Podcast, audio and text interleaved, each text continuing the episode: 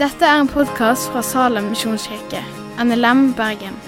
For mer informasjon om Salem, gå inn på salem.no.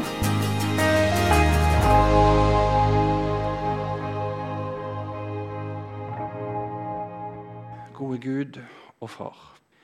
Du som i går og i dag er den samme sanne, evige og allmektige Gud. Du som er Han som, selv om tidene endrer seg, vi kan få vite at står fast ved sitt ord. Og takk for at du er den Gud som har skapt oss, som har ordna med en frelse for oss, og at du er den Gud som vil ha med oss å gjøre. Og nå vet jeg om alt.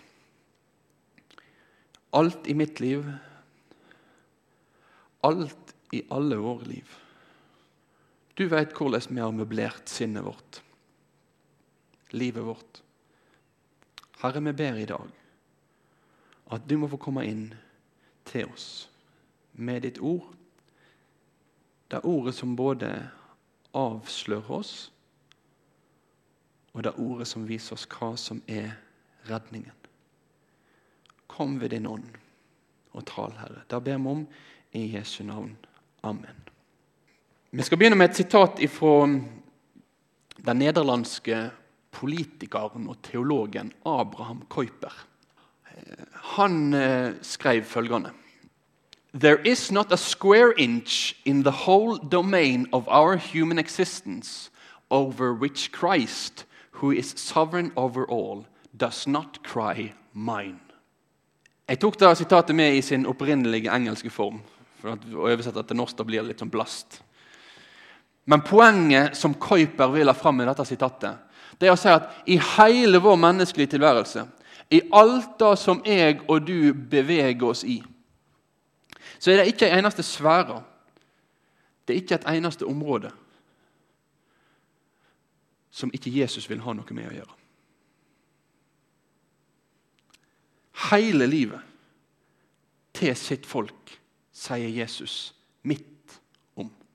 Det å være et menneske det er en tilværelse der vi òg kan ende opp med at vi begynner å tenke på tru som ei, ei kake i hele livet vårt. Vi har på en måte mange ulike fasetter, mange ulike deler av livet vårt. Og tru da blir på mange måter én av disse her. Men sånn er faktisk ikke trua. Sånn er faktisk ikke livet med Herren. Livet med Herren er ikke en kakebit. Jeg tenkte når jeg forberedte meg på, på et sånt, jeg tror det heter prisme. ikke det det heter? Sånn som du bruker til å bryte lys gjennom. Det er noen naturfagshove som kan hjelpe meg litt å si ja, bra. Sånn? Et prisme, Da sender du lys gjennom, og når det kommer til prisme, så blir det brutt. Så ser du lys i alle sine fasetter. Er dere med på hva jeg mener med dette her nå? Hva det er? Ja, Noen tør nikke. Bra. Og Da kan vi tenke om kristenlivet at det er på en måte en av de strålene som går ut. Det er en av fargene som går ut der. Men sånn er det ikke. Trua på Herren det er selve prismet. Det er det som egentlig hele livet vårt blir brutt gjennom. Det er det som gir oss noen nye briller til å se på tilværelsen med. Den, den er altomfattende. Men langs denne siste veien bort fra Herren, den som israelsfolket er i ferd med å vandre på, så kan vi se at ett av de kjennetegnene på den vandringen som de er på, det er at de begynner å stenge Gud ute fra enkelte rom i hverdagen sin. Det er noen saker der de vil bestemme, og der Gud ikke skal være herre. Og Det er det vi nå beveger oss inn på i dag og i morgen. For i dag og i morgen i Malakis bok så kommer vi til å se at det er noen områder i livet. Noen områder i israelsfolket sin tilværelse der de sjøl ville sitte i førersetet. Der de ikke ville bøye seg for Herren og for Hans ord og Hans vilje. Og Nå kommer han i disse tekstene her og pirker på det, peke på det, avsløre det og kalle de til venner om ifra det. I dag handler det om troløshet. I morgen handler det om lommeboken, Det skal vi komme til da. Men troløshet er dagens tema. Veldig kort skissert så kommer dagens tale til å ha disse tre hovedpunktene. Først om tru og troløshet. Så kommer det et lite sånn mellompunkt, eller ei lita bru over til det neste. Og det mellompunktet det er men trenger vi egentlig bry oss? Har det egentlig noe å si, dette her med hvordan jeg lever livet mitt? Om jeg er trufast, eller om jeg bare lever i utroskap? Har det noe å si? Og så kommer det siste punktet, som handler om at Herren kommer. Herren er en Gud som faktisk skal gripe inn i historien. Så her er det gangen. Nå kan jeg følge med litt underveis. Vite sånn cirka hvor vi er.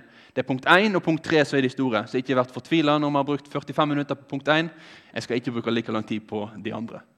Men her har det grov skisso.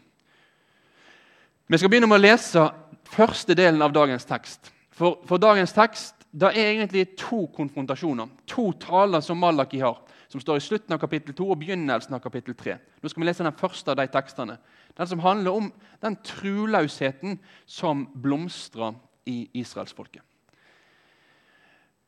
Det er noen fargekoder her som gjør at jeg ikke ser det, så det beklager jeg. Jeg leste det i min bibel. Jeg jobber i radio, men er ikke vant med skjerm alltid. Det er Malaki kapittel 2 og vers 10 og utover. Har vi ikke alle én far? Har ikke den ene Gud skapt oss? Hvorfor er vi da truløse mot hverandre og vanhelger pakta til fedrene våre? Juda har båret seg truløst åt. Avskyelige ting har de gjort i Israel og Jerusalem. For Juda har vanhelga Herrens helligdom som han elsker, og gift seg med dattera til en framand gud. Måtte Herren rydde ut fra Jakobs telt hver mann som gjør slikt, hvem det så måtte være, og som ber fram offer til Herren over herskarene. Og dette er det andre det gjør. Med tårer dekker det Herrens alter, med gråt og sukk, fordi han ikke lenger vil se på gaver eller ta imot offer fra dere han med glede det sier hvorfor. Fordi Herren er vitne i saka mellom deg og din ungdomskvinne, som du er utro mot, din ektemake, din paktkvinne. Er det ikke én som har skapt alt? Både kropp og ånde hans. Og hva søker den ene? Ei guddommelig slekt. Så vakta vel dykkar ånd. Vær ikke utru mot din ungdomskvinne. Den som får uvilje mot henne og sender henne bort, sier Herren Israels Gud, skitner til klærne sine med vold, sier Herren over herskarene. Så vakta vel dykka ånd, vær ikke truløse. Amen. Jeg eh, ønsker i løpet av disse dagene her å gi dere litt hjelp til å forstå Bibelen når en leser den på egen hånd, ikke bare når vi er på møte. Og Det gjør at jeg av og til har noen sånne sidespor, noen moment som kan være greit å ha med seg. Og det er en sak jeg tror kan være greit å nevne når vi nå har denne teksten her framfor oss. og det er at Hvis du har en 2011-oversettelse som jeg las ifra, så er avslutningen sånn som dette her. sånn som er det lyseblå her. Men hvis du hadde hatt en 88-oversettelse, den med sånn lysestake på framsida, så står det litt annerledes. Så, så, er på en måte formuleringene litt forskjellige. Egentlig kanskje litt av meningsinnholdet òg. Og jeg har tatt det med her bare for å illustrere det. Vi skal ikke gå inn i dybden på det. Men i 88-oversettelsen som står til høyre, så står det f.eks.: For, for jeg hater skilsmisse, sier Herren Israels Gud.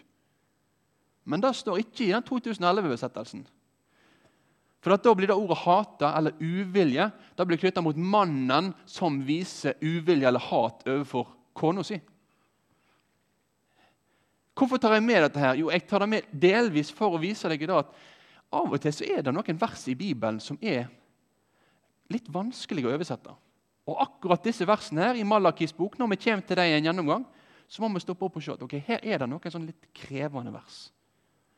Personer som bruker hele livet sitt på å studere hebraiskteksten, de sier at disse versene her, de er notorisk vanskelige.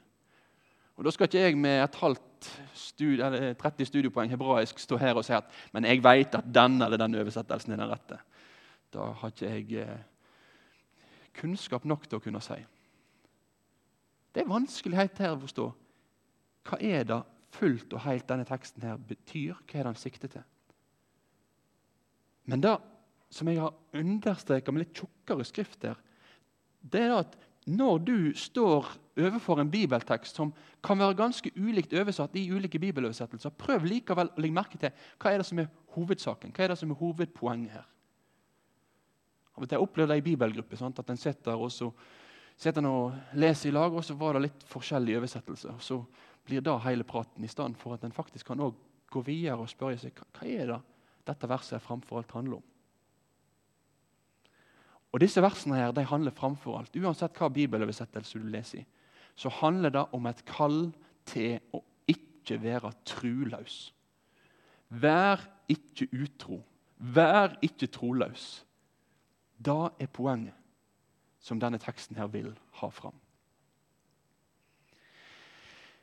Israelsfolket de hadde på mange måter stengt denne delen her av livet sitt. Den delen som hadde å gjøre med seksualiteten, samlivet og ekteskapet. Der ser det ut som at det var en rådende holdning blant veldig mange i folket at ja, det er litt opp til oss hvordan vi vil forvalte dette, hvordan vi vil tenke om dette. Og Når Malaki profeterer rundt 400 år før Kristus, så er det noen hovedproblem han tar tak i. Det er for det første religiøse blandingsekteskap.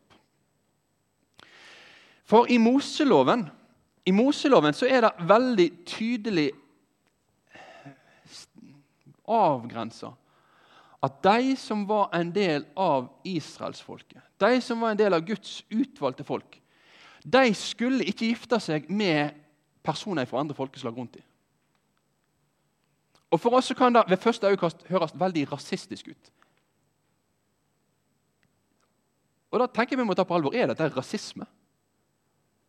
Er det da det handler om at, at Gud sier at ja, jødene de de kan han gifte seg med, men de andre de er liksom litt mindreverdige menneskeraser. Nei, dette er ikke rasisme. Det er ikke det dette her handler om. Men det det handler om, det er at i en gammeltestamentlig kultur så må vi forstå at folk og religion hang egentlig uløselig sammen. Jødefolket de tilba Israels gud, Herren. Det var det de skulle gjøre. Nabofolkene rundt omkring de hadde sine guddommer. Så hvis du var en moabitt, hvis du var en ammonitt, hvis du var en edomitt, ja, hva som helst, så kom det med sterke føringer på hva guder du tilba. Så dette handler egentlig om at det i Gamle Testamentet var et absolutt forbud for mennesker som trodde på Israels gud, å gifte seg med mennesker som trodde på andre guder. Det skulle ikke de gjøre. Men de gjorde det. På Malakis tid var det utbredt. Esra og Nehemia, som er to bøker i Bibelen som er skrevet omtrent på samme tid, da kan vi se at akkurat det samme som blir tatt tak i.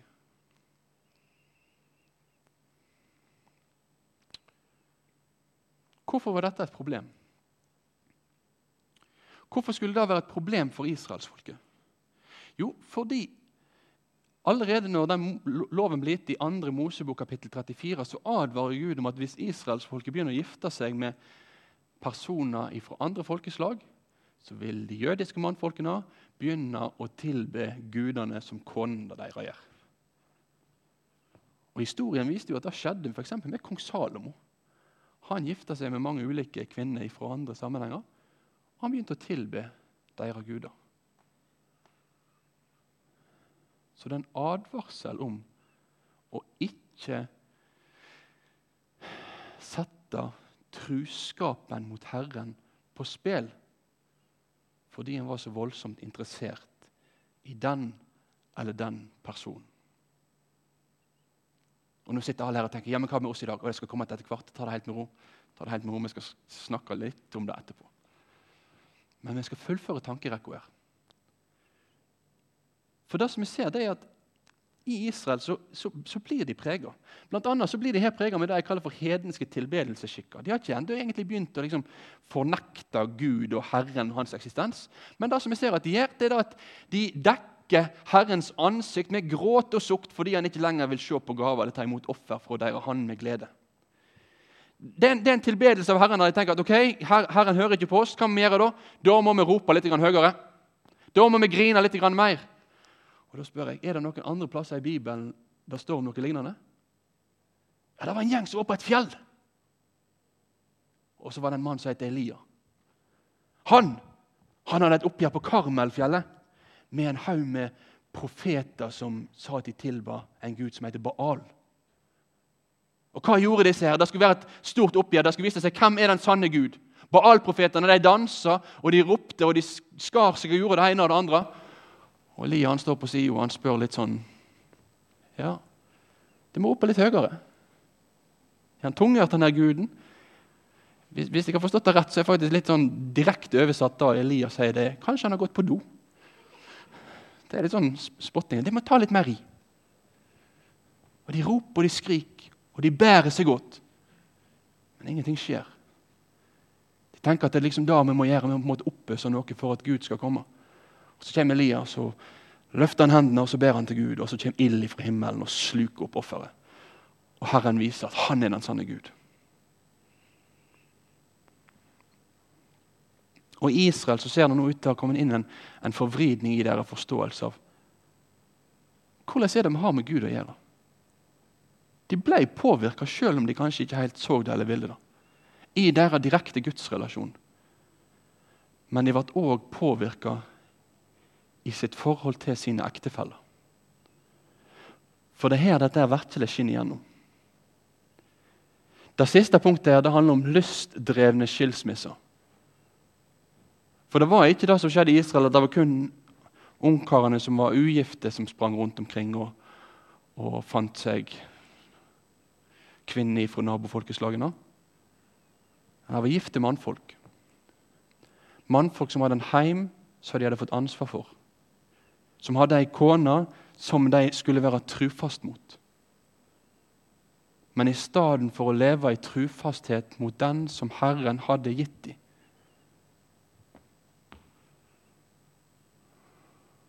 så var det noe annet de hadde lyst på.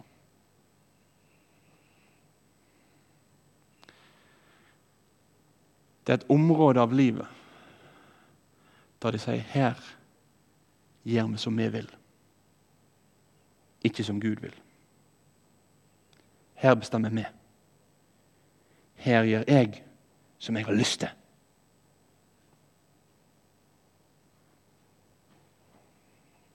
Men Herren vil ha med hele livet å gjøre. Alt. Du kan ikke ta igjen ei skuffe og si at dette er mine, min skittentøyskår, Alt er åpent for ham. Og han vil ha med hele oss å gjøre.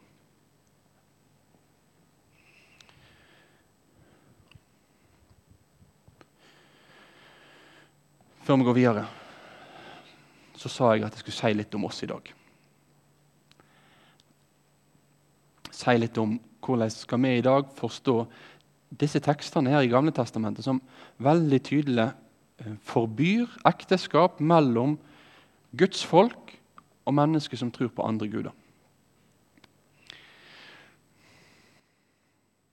Når det gjelder deg og meg som lever i dag Nå er, nå er vi inne i en parentes. Vi tar en liten fem minutter parentes. Det henger ikke så mye sammen med resten, men det er greit å bruke litt tid på det. Når, når jeg og deg leser Bibelen i dag, når vi leser Gamle Testamentet, så må vi hele veien være oppmerksom på at når vi leser Det gamle testamentets veiledning, så er det da en del av Guds hele Bibel. Men vi har et Gamle testament og vi har et nytestamente. Og jeg tror at hele Guds ord er, er sant.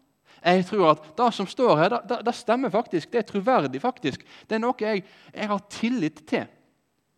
Og Samtidig har jeg også den overbevisningen at de lovene og de budene og de reglene og hvordan de skulle bli håndhevd i Det gamle testamentet, det skjedde innenfor rammeavtalen av den gamle pakt. I den gamle pakt så gav Gud sine ganske tydelige retningslinjer. Dette skal de gjøre, dette skal de ikke gjøre. Og Hvis det bryter det, så får det de og de og de konsekvensene. Men når Jesus kommer, og han etablerer den nye pakt, så er det den jeg får leve i i dag. Jeg bruker av og til et litt sånn, måte, teit bilde fra forretningsspråket. Hvis, hvis måtte, noe ble lagt inn i den gamle rammeavtalen, så er det ikke automatisk sånn at det er det samme som i den nye rammeavtalen. Det betyr ikke at det som var i den gamle, var feil. Det betyr ikke at det var galt. Men det betyr at det var det som det hadde som sitt måte, virkeområde. Og nå er det noe nytt som har kommet. Og Derfor, Når jeg da står og leser i Det gamle testamentet, når jeg leser om hva Gud sier godt, hva han sier vondt, hva han sier vi skal gjøre, hva vi ikke skal gjøre, så må jeg se da òg gjennom lyset av Det nye testamentet. Jeg kan ikke bare ta ett et enkelt vers i Gamle testamentet, rive det ut av sammenheng og si at ja, men det står jo her. Se her hva som står. Slutt å gå med de der blanda stoffene i klærne dine, for det står noe i Moseloven om det. Det står jo her. Og Dette er jo et klassisk eksempel som blir brukt mot personer som ønsker å ha tillit til Bibelen, at det ble sagt Det er bare en gjeng hyklere, hele gjengen. Det lever jo ikke etter det som står i Bibelen. For du tar jo ikke de og de lovene i Moseloven på alvor. Jeg, jeg, vil si at jeg, jeg tar dem på alvor, men en del av det å ta dem på alvor er ikke at jeg skal følge dem på den måten. Jeg må se hvordan behandler Nytestamentet disse lovene. Det er noen lover Nytestamentet sier at ja, veldig tydelig er videreført og bekrefta. Jeg kan ta de ti bud. Altså, ser at Bud etter bud i Jesu forkynnelse og i brevlitteraturen det har vært stadfesta. Kanskje med unntak av sabbatsbudet, men da skal ikke jeg begynne å rippe opp i nå, for da kommer vi ut på et annet sidespor som er litt mer krevende. Men de andre de har vært stadfesta igjen og igjen. Og så er det noen ting som det står ganske tydelig om at det hadde sitt virkeområde og i gyldighetstid i den gamle pakttid. Dyreofringene de pekte alle sammen fram mot Jesus Kristus. Og Derfor er det ikke sånn at vi skal ut og slakte lam eller bukker etterpå. Nei, Vi tror at Jesus har gitt livet sitt for oss. Det er snakk om hva som er rent, og hva som er ureint. Det er snakk om matforeskrifter. Og Hebreabrevet ser ut til å peke på at dette her hadde sin gyldighetstid fram til Det gamle testamentet, eller gamle pakts slutt. Det var en lang innledning om denne parentesen, men poenget mitt er husk alltid å se Bibelen i sin sammenheng. Og Det må jeg òg gjøre når jeg ser på Det gamle testamentet sine forskrifter knytta til blandingsekteskap. Så spørsmålet er hva står om dette i Nytestamentet? Hvordan forstår vi det der? Det er én tekst i Nytestamentet som, som eh, en del kristne jeg, jeg, her, her lander kristne litt ulikt. Kristne som har høy tillit til Bibelen, som jeg har høy tillit til, tenker litt ulikt om dette. her. Og For de som da vil si at ja, Nytestamentet forbyr ekteskap mellom kristne og ikke-kristne, så er det et bibelvers i andre korinterbrev som ofte er viktig. Der står det Gå ikke under framant åk med slike som ikke tror. Og Det er et sentralt og et viktig vers, men når jeg leser det i sin sammenheng, så, så sliter jeg med å se det ekteskapet direkte Paulus sikter til der. Så jeg tror vi må zoome ut litt mer i Nytestamentet. Og Når vi ser på Det Nytestamentets etiske veiledning, så er faktisk en av de sakene som Nytestamentet skriver ganske mye om, det er ekteskap der den ene personen bekjenner tro på Jesus Kristus som Herre og Frelser, og den andre ikke gjør det. Fordi sånn var det jo. sant, at Jeg må gifte, og så plutselig så er det en av de som kommer til tro på Jesus. Hva skulle de gjøre da? Ja Det er ikke sånn at ekteskapet blir ugyldig av den grunn. Jeg kan ikke finne derfor noe tekst i Nytestamentet som forbyr et sånt blandingsekteskap. Og Derfor vil ikke jeg heller binde samvittigheten til et menneske i dette. her. Jeg vil ikke binde samvittigheten til noen og si at det er ingen situasjoner der et menneske som tror på Jesus, ikke kan finne seg en ikke-kristen ektefelle. Jeg har eksempel som jeg kjenner til fra mine bekjente og mine omgangskretser, der jeg vet om et kristen menneske kommer til å tro på Jesus, Christ, eller tro på Jesus Kristus, gifter seg med en ikke-kristen, og så ender det opp med at den som var ikke-kristen, faktisk kommer til tro. Det skjer. Men jeg vil samtidig si at jeg har enda flere eksempel motsatt vei. Jeg har enda flere eksempel på at det motsatte skjer. At den kristne og den ikke-kristen gifter seg. Men sakte, men sikkert så er det sånn at den som har trodd på Jesus Kristus, kommer mer og mer på avstand til han. Derfor vil jeg si at selv om ikke jeg på noe som helst vis vil binde en samvittighet i det og si at nei, det går ikke an, så vil jeg grunnleggende si at jeg tror det er klokt, og det er vist for et kristen menneske som skal gifte seg, å lete etter en som en deler tro med. Og da vil jeg si med ganske stor, stor, stor tyngde. For å tenke både erfaringen fra det som jeg har sett rundt meg, men òg erfaringen fra det vi leser i Bibelen. Den peker oss i retning av at det er lett å bli dratt på avveier. Og realiteten er at meningen med livet er ikke å bli gift. Det er å få tilhøre Herren, og tro på Han og være Hans. Der var den parentesen. Nå avslutter vi den. Kom og prate etterpå hvis det er folk som har tanker eller motforestillinger mot det jeg har sagt. Tilbake til det som her nå skjer i, i Malakis bok 2400 år før Jesus Kristus. Det er i alle fall at det som har å gjøre med dette området i livet deres, det som har å gjøre med deres seksualitet, seksualetikk, det er et stengt område for Herren. Der tenker de at vi kan gjøre som vi vil. Og så kommer Herren inn og, og avslører dette problemet. Det går ikke an å forholde seg til det på denne måten. De blir kalt til ikke være truløse. De blir kalt til å bøye seg for Herrens ord. Og om de har handla imot dette her, faktisk vende om til Han. Profetbøkene er bøker som avslører synd, peker på synd og kaller mennesket til omvendelse. Men samtidig så er det sånn at det er et spørsmål som kanskje kan ligge litt i bakhovet. Som i alle fall ser ut til å ha lagt litt i bakhovet hos israelittene. Og Da kommer vi videre til det neste hovedpunktet. Men trenger vi egentlig bry oss? Nå står jeg her på en talerstol sant? og jeg kan rope litt og bruke litt høy stemme av og til. bli litt ivrig. Og Vi leser litt i Bibelen, og det er noen harde og noen alvorlige ord. Og vi kan lese ganske mye faktisk om jeg skal kalle det trusler, jeg vet ikke om det er det beste ordet, men iallfall advarsler mot at det å leve i opprør mot Herren her på jord har konsekvenser for evigheten. Trenger vi egentlig bry oss? Har det egentlig noe å si? For realiteten er jo den at hvis du hvis du lever i et uoppgjort forhold til Herren, og så går du ut av døra i Salem etterpå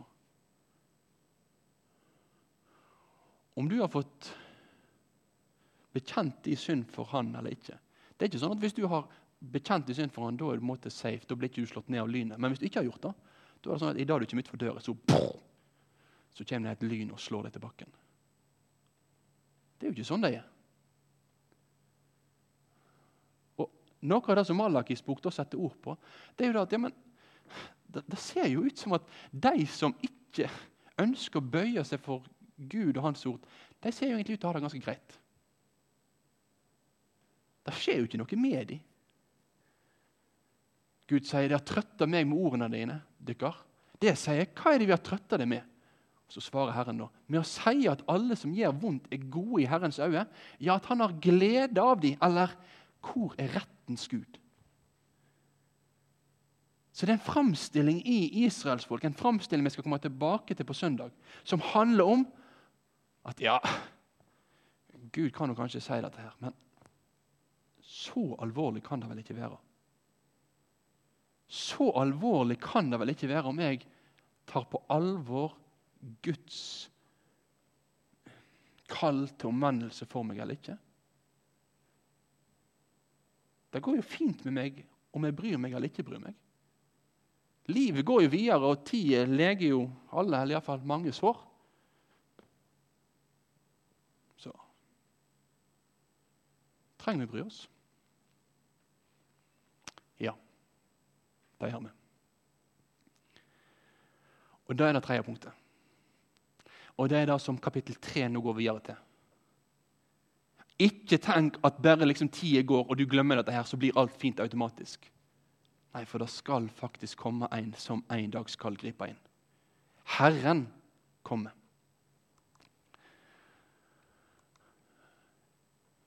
Og Da kommer siste tekst som jeg skal lese i dag.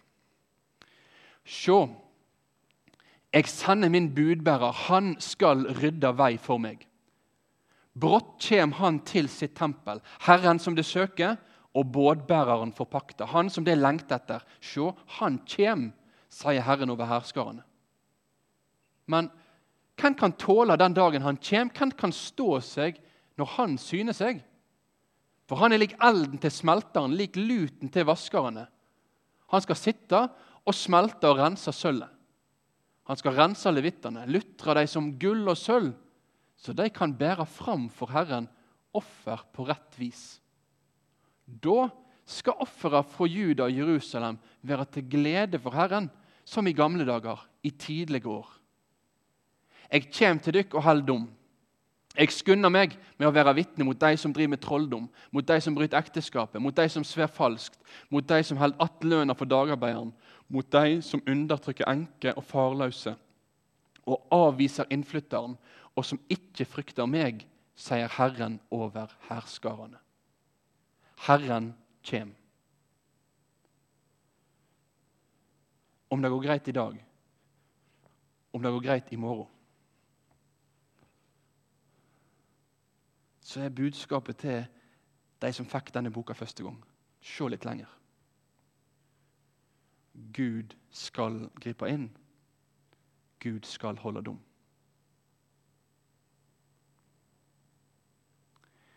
for oss mennesker som lever i en verden preget av synd, av smerte, av sorg og av lidelse. Så kan vi av og til, kanskje ofte, stille oss dette spørsmålet. Hvor er rettens Gud? Hvor er rettferdighet i en verden gjennomsyra av urettferdighet? Og Bibelens svar er vel Jesus skal komme, og han skal sette alle ting i sin rette stand. Da skal all urett få sin fortjente dom, og da skal all rettferdighet få spire. Og Dette her er da skrevet 2400, for 2400 år siden cirka, før Jesus kom til jord. Og Nå beveger vi oss inn i kapittel 3. Vi har litt over ett kapittel igjen av Det gamle testamentet i vår bibel. Og Nå er det som om det begynner å intensivere seg med noen av de siste løftene som kommer om noe som snart skal skje. Jeg, jeg eh, tenker av og til på at Når vi leser gjennom Det gamle testamentet, så er det som et bilde som blir malt. Vi har et lerret som er tomt når vi er i første Mosebok kapittel 3. Syndefallet er der. Det er svart. Det er natt. Mennesket har forkasta Gud, vil ikke ha med han å gjøre. Og så begynner det allerede der, i kapittel 3 i første Mosebok, med et løfte om at kvinnens ett skal knuse slangens hode. Og så er det noen første streker som begynner å bli malt av en mulig framtidig redning. En dag så skal det komme en. En dag så skal det komme en som kan ordne opp i menneskeslekta sine problemer. Og så blir det malt på dette bildet her gjennom Det gamle testamentet. Penselstrøk for penselstrøk. Litt og litt tydeligere så ser vi mer av hvordan denne skikkelsen skal være. Denne Messias. Han skal være profet, han skal være konge, han skal være prest. Og Nå nærmer vi oss de siste strøkene. De siste penselstrøkene som Gamle testamentet maler. Og Nå begynner de å male bilder av en person som står attmed. Som står på sida av han som er den store en budbærer som skulle komme før kongen kom. Her står dommeren. Og helt i slutten, i kapittel 4, står dommeren. Til dere som er med på hele uka, kan jeg si vi får ikke tid til å snakke så mye om han på søndag. Men les òg der noen tydelige profetier om han som vi ut ifra Det nye testamentet tenker at er døyperen Johannes. Budbæreren som rydda veien for Herren. Som kom og kalte folket til omvendelse. For nå var Herren nær. Så når budbæreren kom, eller veirydderen kom, så var det et første synlig bevis på at Guds endelige inngripen nærmer seg. Og Vi har sett at han kom for 2000 år siden. Døperen Johannes er en historisk person. Han har levd, og det står mye om han i Bibelen. Det står mye om han hos Josefus og andre historiske kilder. Vi har veldig god grunn for å tro at han virkelig er en realitet. Han har kommet.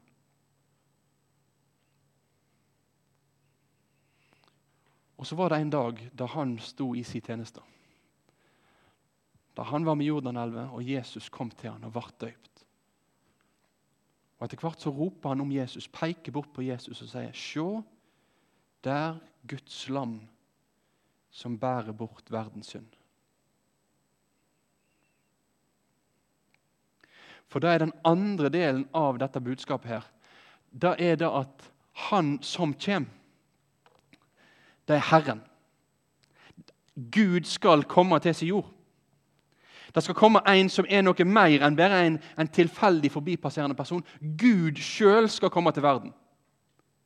Og det gjør han.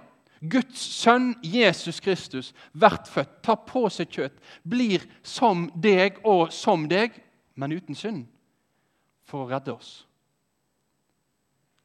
Jesus har kommet. Det kan vi si i dag. Hvis vi har på en måte en tidslinje her, så står, så står Malaki her. Han står her 400 år før Kristus, og han ser framover at dette her det skal skje. Det skal komme en budbærer eller noen som, som lyser opp litt her framme. Døperen Johannes. Og så etterpå så skulle òg Herren sjøl komme. Det skal skje noe her framme. Og så står jeg og du. Vi står på andre sida. Vi står her og ser. Ja, der er han. Der er budbæreren, døperen Johannes. Han har kommet.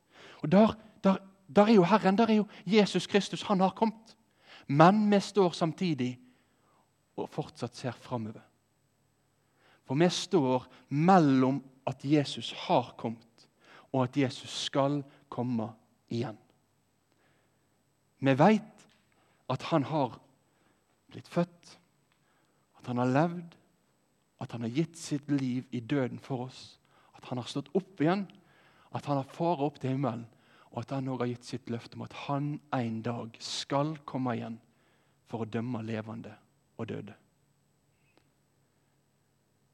Og Jesu gjerning, Jesu handlinger, den har to brennpunkt.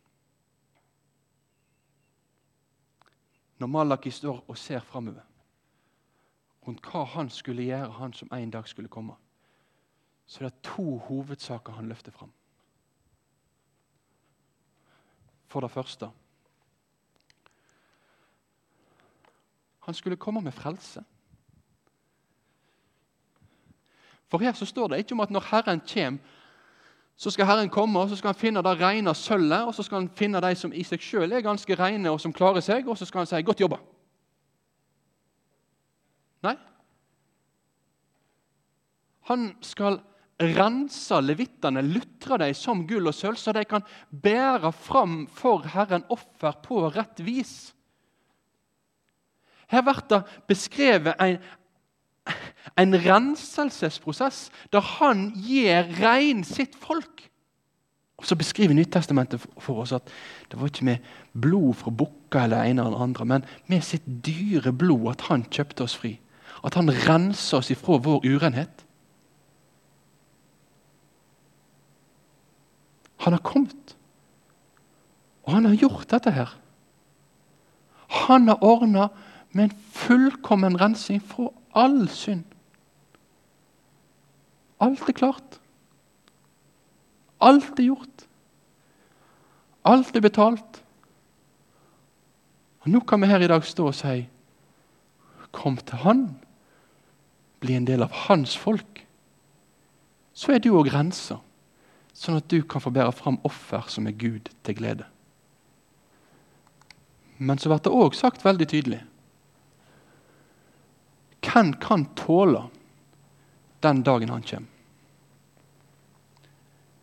Hvem kan stå seg når han viser seg?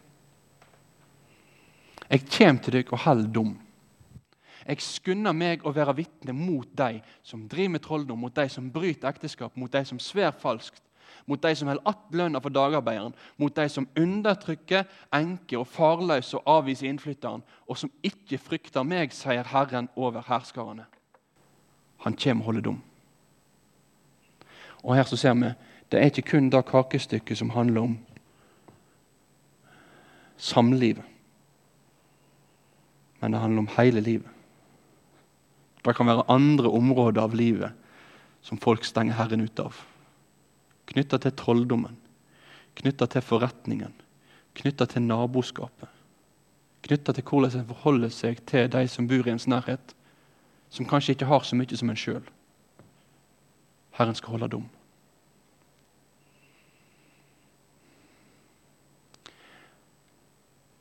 Malakis bok er ei alvorlig bok. Det er en alvorlig bok fordi den så klart og tydelig understreker at Gud skal holde dom. Og så blir det sånn for deg og for meg. Når vi leser sånne tekster som dette, så blir det egentlig det store, avgjørende spørsmålet hva gjør du med din synd?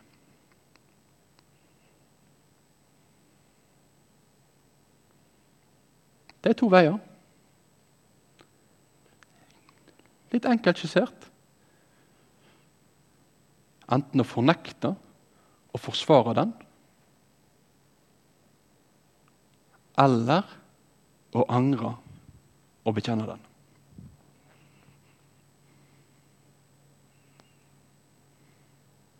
Enten lar du han som har tatt ansvar for den, stå til ansvar for den og renser deg fra det. Eller så ber du sjøl ansvaret den dagen han kommer for å holde dom. Redningen er her. Så hva gjør vi? Dommen kommer. La oss be.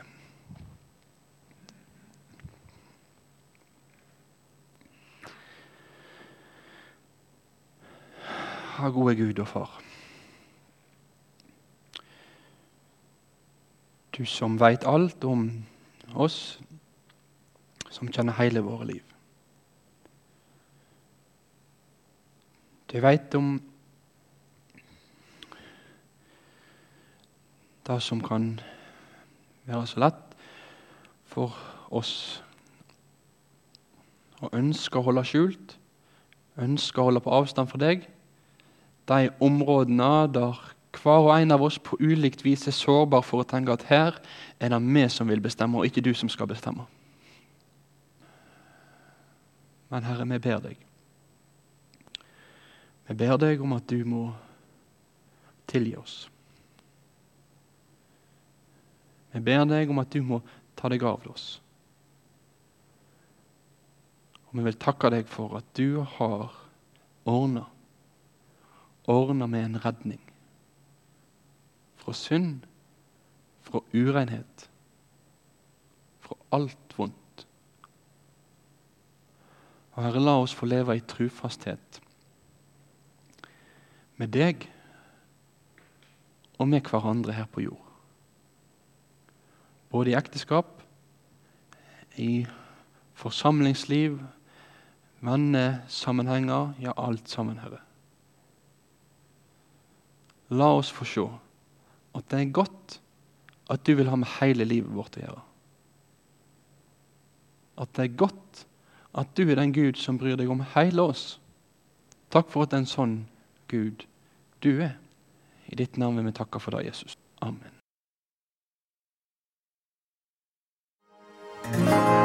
Takk for at du har hørt på podkasten fra Salem, Bergen. I Salem vil vi vinne, bevare, utruste og sende, til Guds ære. Vi ønsker å se mennesker finne fellesskap, møte Jesus og bli disippelgjort her i Bergen og i resten av verden. Vil du vite mer om oss, gå inn på salem.no.